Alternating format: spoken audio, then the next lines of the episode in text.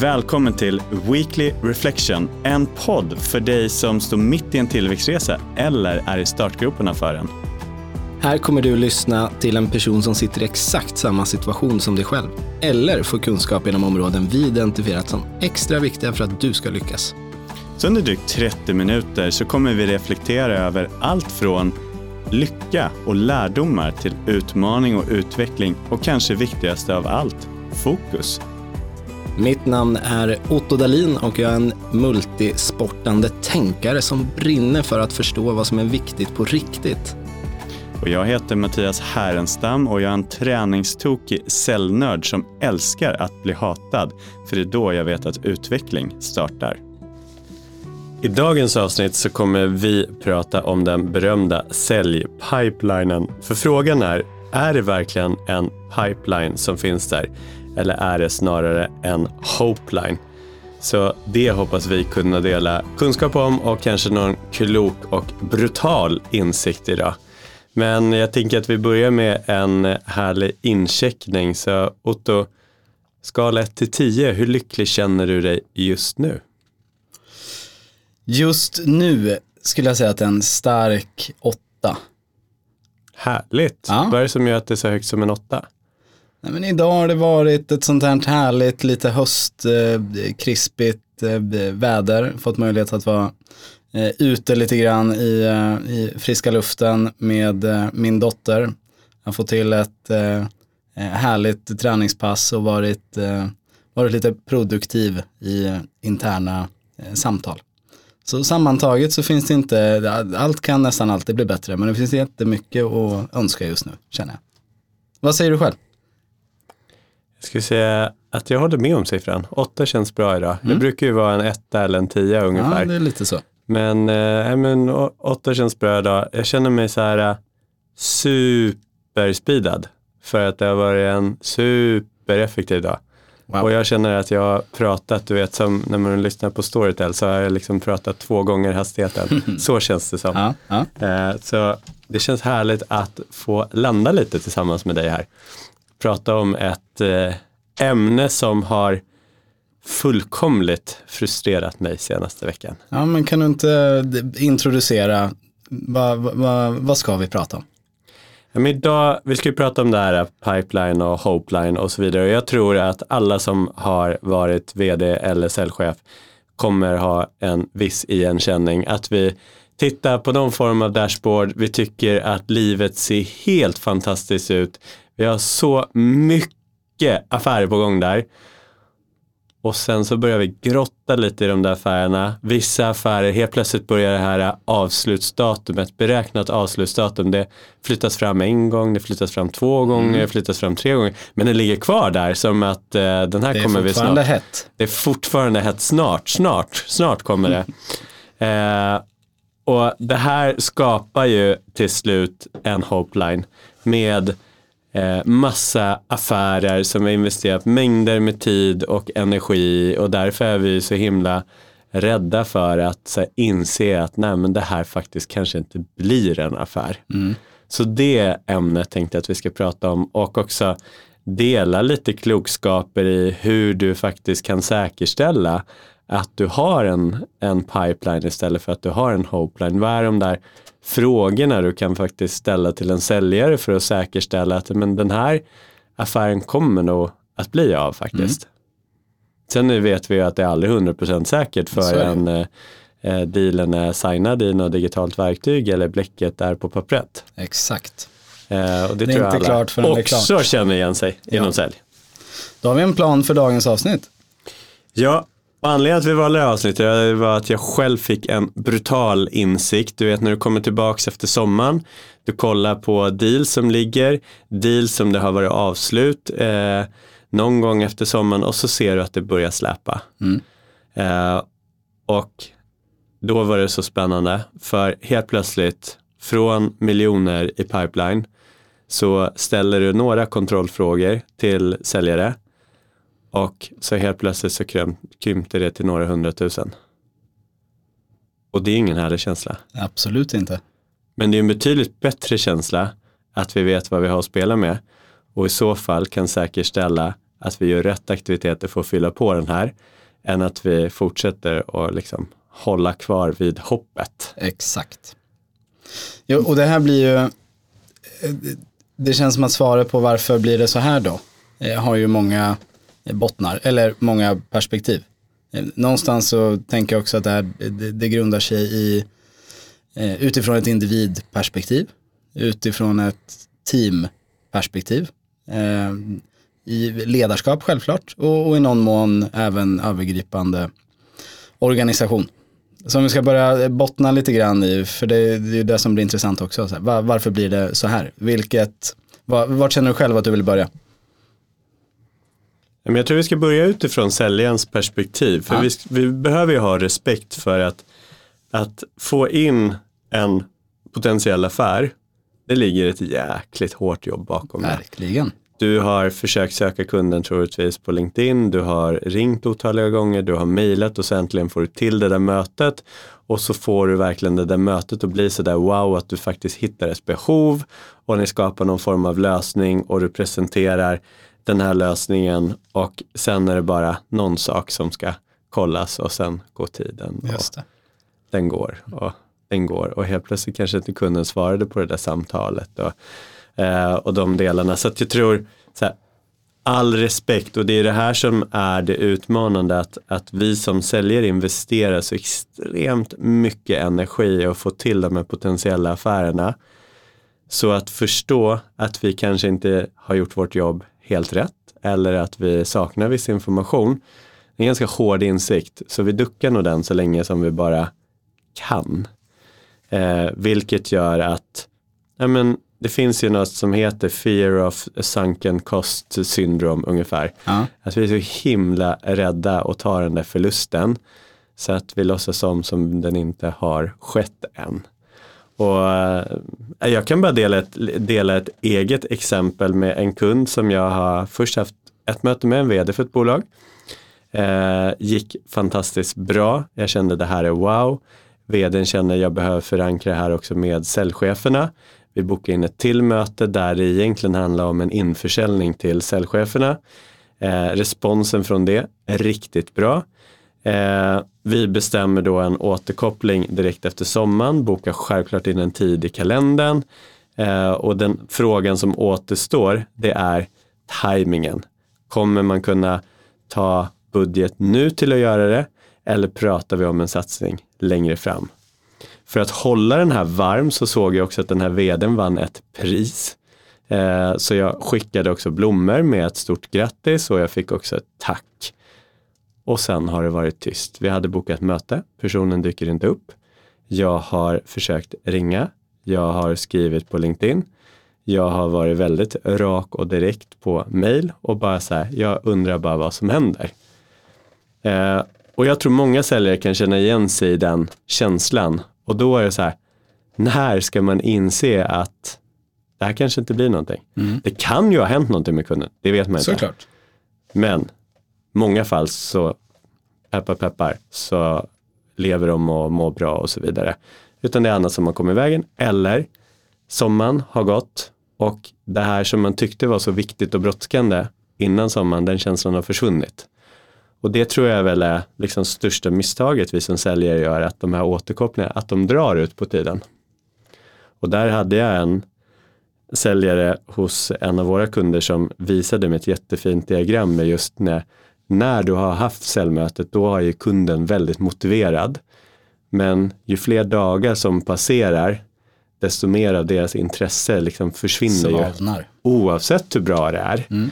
Eh, och det är det som är liksom vår utmaning, att vi jobbar ju med människor eh, och de människorna har ju känslor.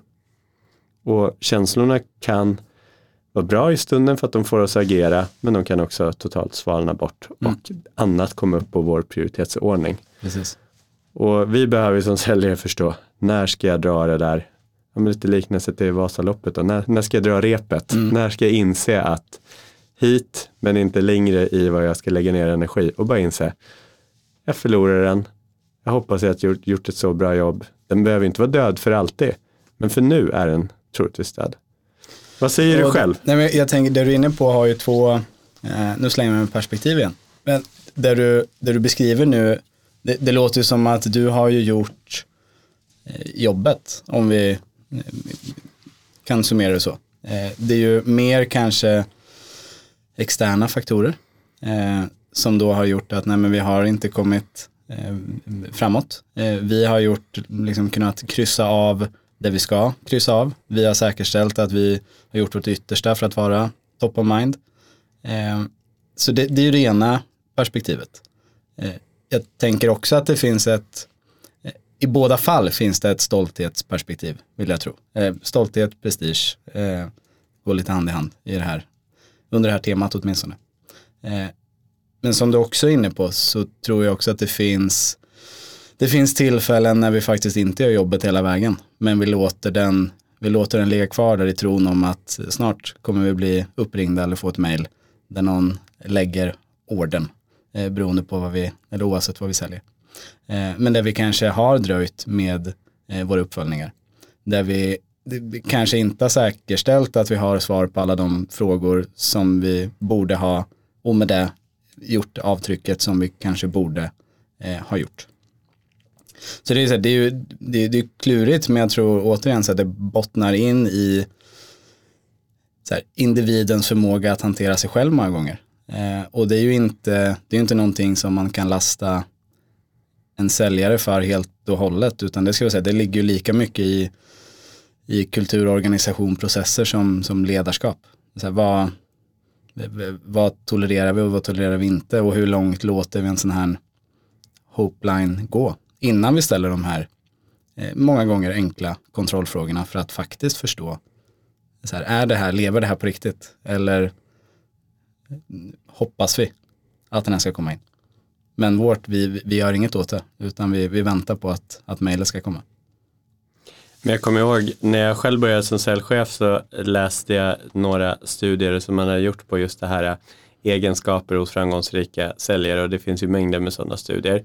Men en återkommande egenskap handlar ju om framgångstro. Eh, och det är någonstans här att hela tiden tro på sin egen framgång, att det kommer gå vägen.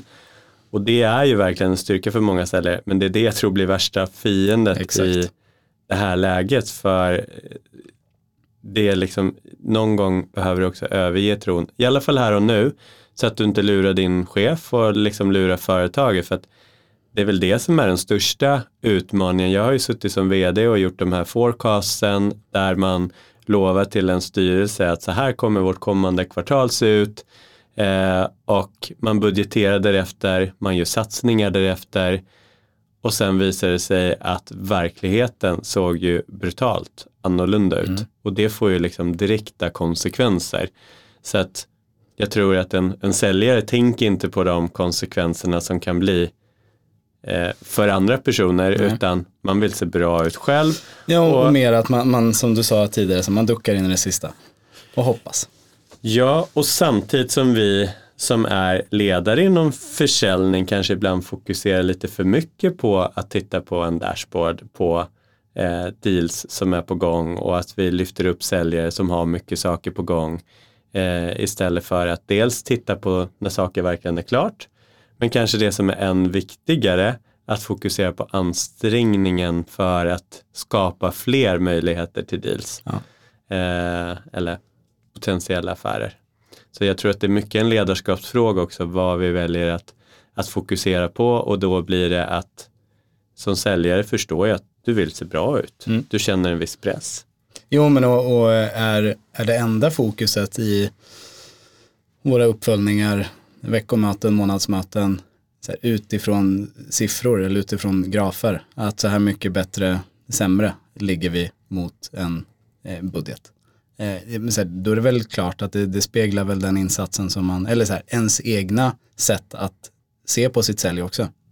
Kontra om du har en, här, en väl etablerad kommunikation eh, där de här kontrollfrågorna, varför, hur, vad, på vilket sätt är naturliga. Att också här, att själv reflektera eh, över varför det ser ut som det gör.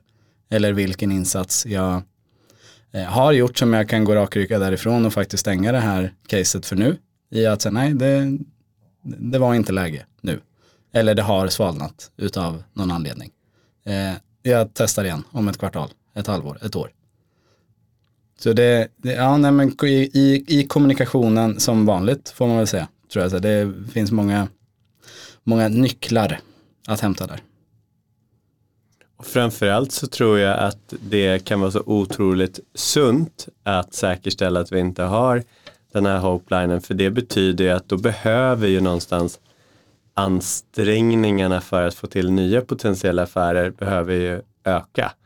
Eh, vi kan inte leva liksom på hoppet av att de här affärerna går in och det tror jag också blir en liten förbannelse av att många tänker att jag har många saker på gång eh, och lägger sitt fokus där och kanske glömmer att vi behöver också faktiskt hela tiden Insatsen. skapa nya möjligheter och ha den insatsen. Mm. Eh, och det gör att vi både inser att oj, ingen av de här affärerna kommer gå in och oj, jag har inget i andra änden som, kom, som är på väg heller. Den situationen är ganska jobbig som Mm. säljare. Och det blir ett ganska jobbigt samtal troligtvis Absolut. med din, din, din ledare. Men vad säger du? Jag är ju den eviga optimisten och du är ju lite mer realist. Ja. Hur gör du för att säkerställa att du inte sitter med en, en hopeline? Som eh, eh, realist eh, och här, data, lite dataintresserad så tror jag väl det här med att bygga på, på gott ska sägas. För det, det finns ju en, en, eh, både, det finns en sida av både gott och ont när man pratar om att bygga egna sanningar. Men jag tror ju att bygga egna sanningar är en, här, en, en viktig del, positivt då, eh, i det hela. Att faktiskt få koll på både mina egna men, men också eh, teamet, bolagets eh, sanningar i sig. Men vad, vad är det för insats som krävs för att vi vill nå ett resultat eh, där framme? Och ha stenkoll på den datan som vi kastar in om vi ska slänga oss med in i, in i tratten. Eh, Vad kan, det, vad kan det vara för sanningar då? Nej, men det kan vara sanningar att, att vi, vi vet att vi behöver träffa si och så många eh, kunder. Eller vi behöver, om vi backar bandet ännu mer, att vi behöver variera våra eh, kontaktförsök på, eh, på, det, på ett visst sätt för att nå framgång till att överhuvudtaget få prata med någon. Eh, till att vi hela tiden låter våra, eh, oavsett om man kallar det eh, offert eller eh, eh lösning eller så, när vi presenterar hur vi ska hjälpa våra kunder, att vi hela tiden arbetar med sättet vi, vi gör det på. Eh, jag vågar väl på så här, allt, så här, inom sales, det är ju det är trial and error hela tiden. Så vi har, jag vågar påstå att vi kommer aldrig hitta ett sätt att göra det på. Eh, och som vi har pratat om tidigare i, i podden så vi, vi gör affärer med människor eh, och vi agerar eh, olika. Eh, och samma, samma individ agerar olika från dag till dag beroende på vad som händer i livet i stort.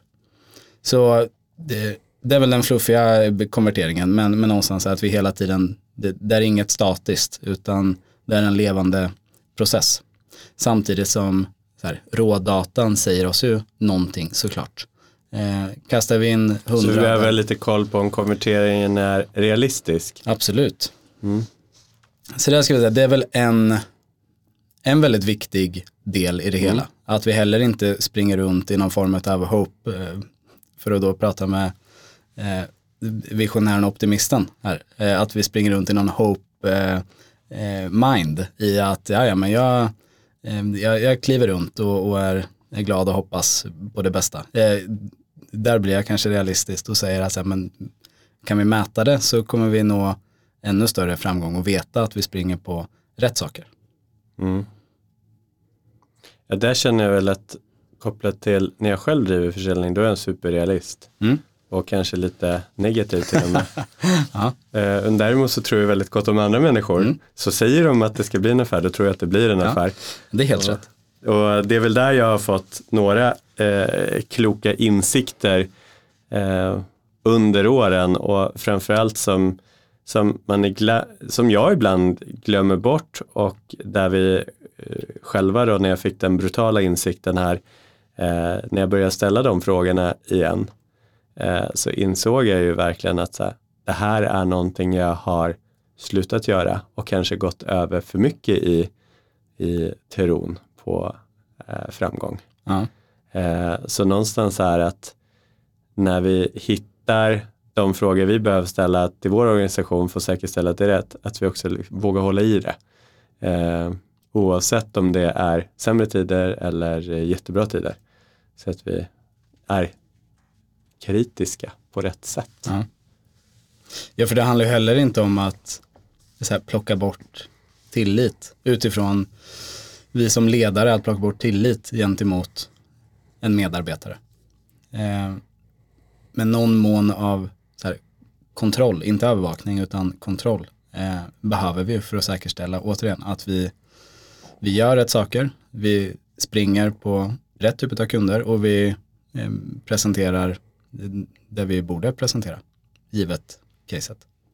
Men jag såg en väldigt intressant saying om det, just mm. med att här, du ska lita på säljarna, men verifiera.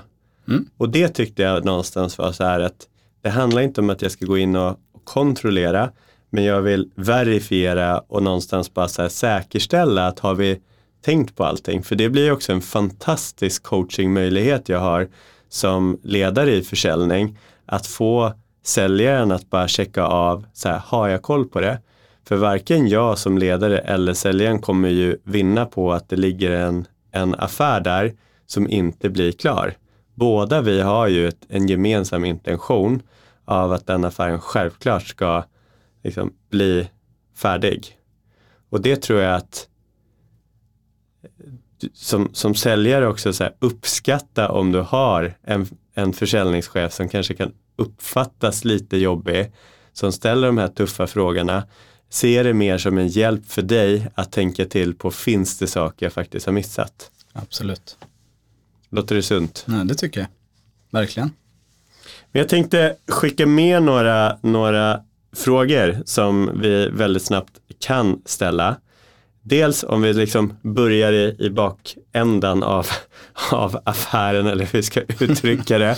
Eh, men det är ju liksom basic sak. Om vi har lagt in en kund i ett beslutsstadium att så här, här väntar vi på beslut. Eh, det första vi behöver säkerställa, finns det en dag och en tid som är avsatt för ett beslut? Och där är det ju väldigt enkla att många hamnar i det här, jo men jag ska följa upp på måndag eller jag skulle ringa kunden på onsdag. Men det finns ingen tid bestämd, det finns inget möte eller tid bokad i en kalender. Vilket gör att säljaren många gånger försöker på måndagen, oj jag fick inte tag på kunden där. Försöker igen på tisdagen, försöker igen på onsdagen och så är liksom karusellen igång. Så ska det ligga i ett beslutsstadium så ska det finnas en tid att prata med kunden. Den ska finnas inbokad i kalendern. Då har vi liksom en basic grej. Vad säger du mer om vi liksom börjar i, i den änden? Vad finns det för fler saker som du ser är viktiga? Jag skulle säga om jag kanske kliver tillbaka ytterligare ett eh, steg då. Det är ju att det faktiskt ska finnas ett, någon form av strukturerat sätt att lägga in den här informationen på. Mm. Eh, eh alla har inte en uppsjö med systemstöd och det finns fortfarande bolag som arbetar framgångsrikt med ett Excel-dokument. Eh, I vilket fall som helst att det finns en tydlig eh, process för hur, en, en, en tydlig säljprocess och hur, hur vi eh, effektivt och tydligt administrerar det här. Så att det skulle jag säga steg ett. Eh, sen håller jag verkligen med dig om att det här är ett, eh, ett, ett bra nästa steg. Därifrån som vi var inne på att så här, det är inte färdigt Du ville börja framifrån nu istället för bakifrån. Ja, det kanske blev så. Ja. Ja. Men det är bra. Vi går från två håll så ja. ser vi om vi möts ja, i mitten. Nej, men då, vi, man pratar ju ofta när vi pratar CRM eh, eller systemstöd om, om ett viktat värde. Men utifrån att ha en realistisk pipeline så fyller ett viktat värde en, en viktig funktion för att vi ska titta på en forecast som faktiskt blir en forecast. Eh, det är inte färdigt förrän det är färdigt eh, och då behöver vi också ta eh, ha med en viss felmarginal i våra beräkningar. Att allt som ligger i ett beslutande steg kommer med största sannolikhet inte att eh, gå in. Eh, och att vi då faktiskt tittar på en, en siffra som är eh, rätt och riktig. Men här är du inne på ett väldigt intressant, för, för det finns ju lite default-värden i vissa CRM mm. för de här stegen och vad de ska vara viktade. Men där tänker jag också när du har haft ett system ett tag, när du har börjat få lite data, att faktiskt börja titta på verkligheten. Om en kund har kommit till det här stadiet, hur sannolikt, hur många av de som kommer till det här stadiet blir affärer i slutändan? Det är det det viktade värdet ska vara och inte Exakt. det påhittade. Där tror jag att det är väldigt, väldigt många som lever kvar i någon slags man har satt fingret i luften och gissat att eh, men 40% är bra här och här Ja. är det 80% och så vidare. Så jag tänker apropå det du sa om, om sanningar, att ta reda på sanningen för Ja. sin organisation också Absolut. i, i varje steg. Klok. Jag tänkte inte ens på att man inte kunde ha ett CRM, jag ber om Ja. ursäkt för det. Ja. Så jag, jag uppskattar att eller, du tar oss. du tog det för givet? Jag tog det lite för givet. Ja, Inte bra. vi fortsätter. ja. Så då har vi de eh, viktade värdena. yes. Mer. Vad vi vill ha mer. Vi vill ha in information. Mm. Och då tänker jag på information vi vill, ha in. Där är också ganska intressant när du börjar fråga säljare när du verkligen så här, dels säkerställer, okej, vet de kundens målsättningar på sikt? Vet de vart kunden är på väg någonstans? Vet de kritiska faktorerna för att kunden ska lyckas komma dit? Eh, vet de vilka förändringar som kunden behöver göra och vet de vilket värde våran lösning oavsett om det är en tjänst eller en produkt kommer tillföra.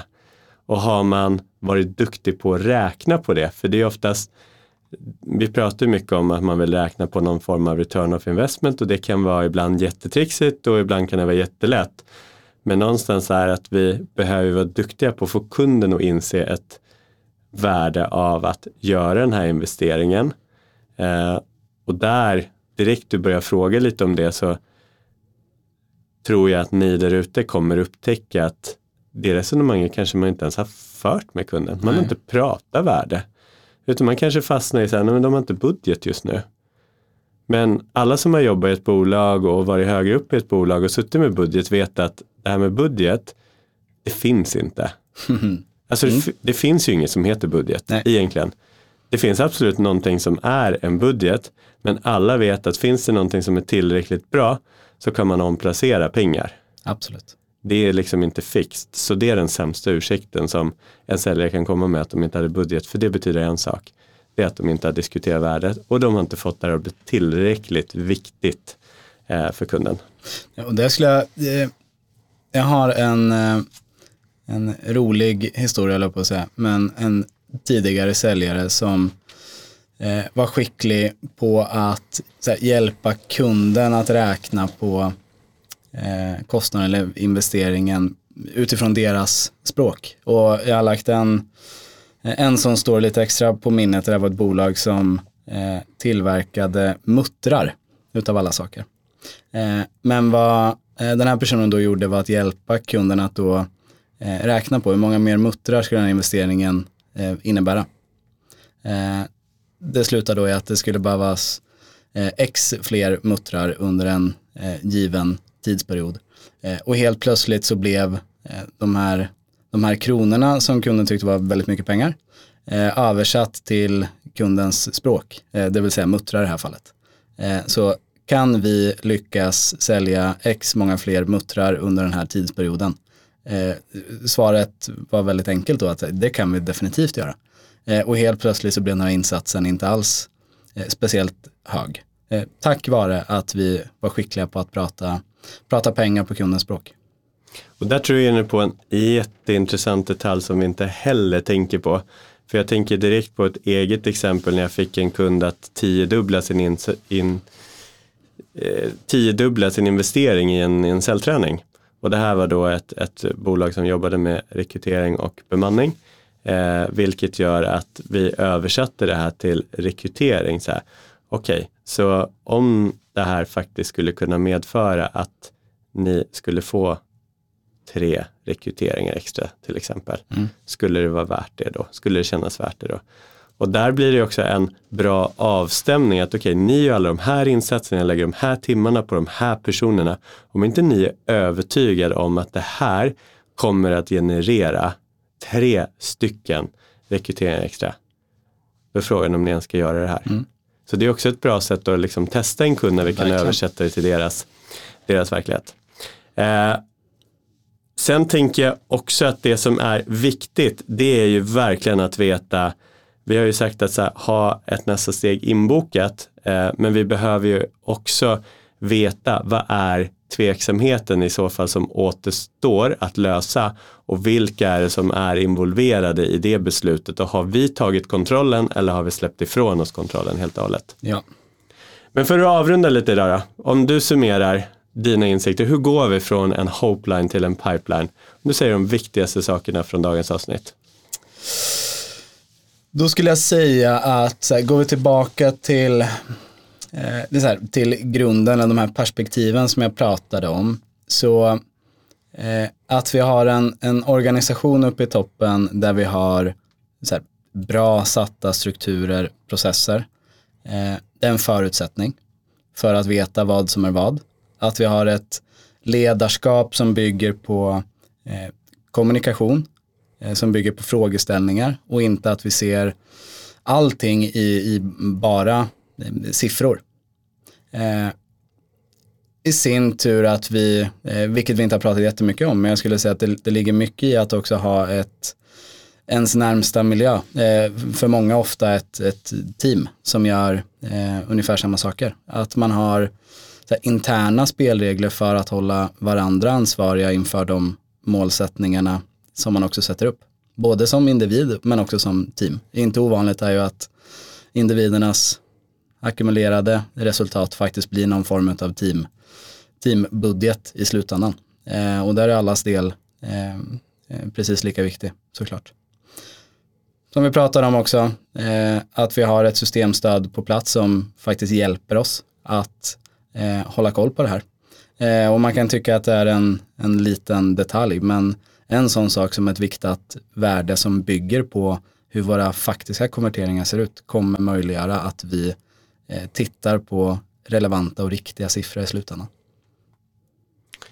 Och glöm för guds skull inte att säkerställa att det finns en tid inbokad med eh, i kalendern när beslutet ska tas och att säljaren vet exakt vad som återstår för att få det här beslutet på plats också. Och direkt det här mötet har skjutits upp några gånger, då är det en liten alarmsignal som vi måste lyssna till.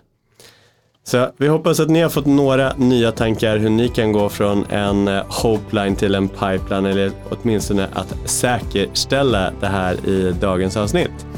Och eh, i nästa avsnitt då kommer ni få träffa en entreprenör och en riktig Google-guru och höra om hur han har byggt ett bolag i 100 miljoners klassen genom att bara fokusera på att lösa ett problem. Inspirerande. Tack för idag. Tack.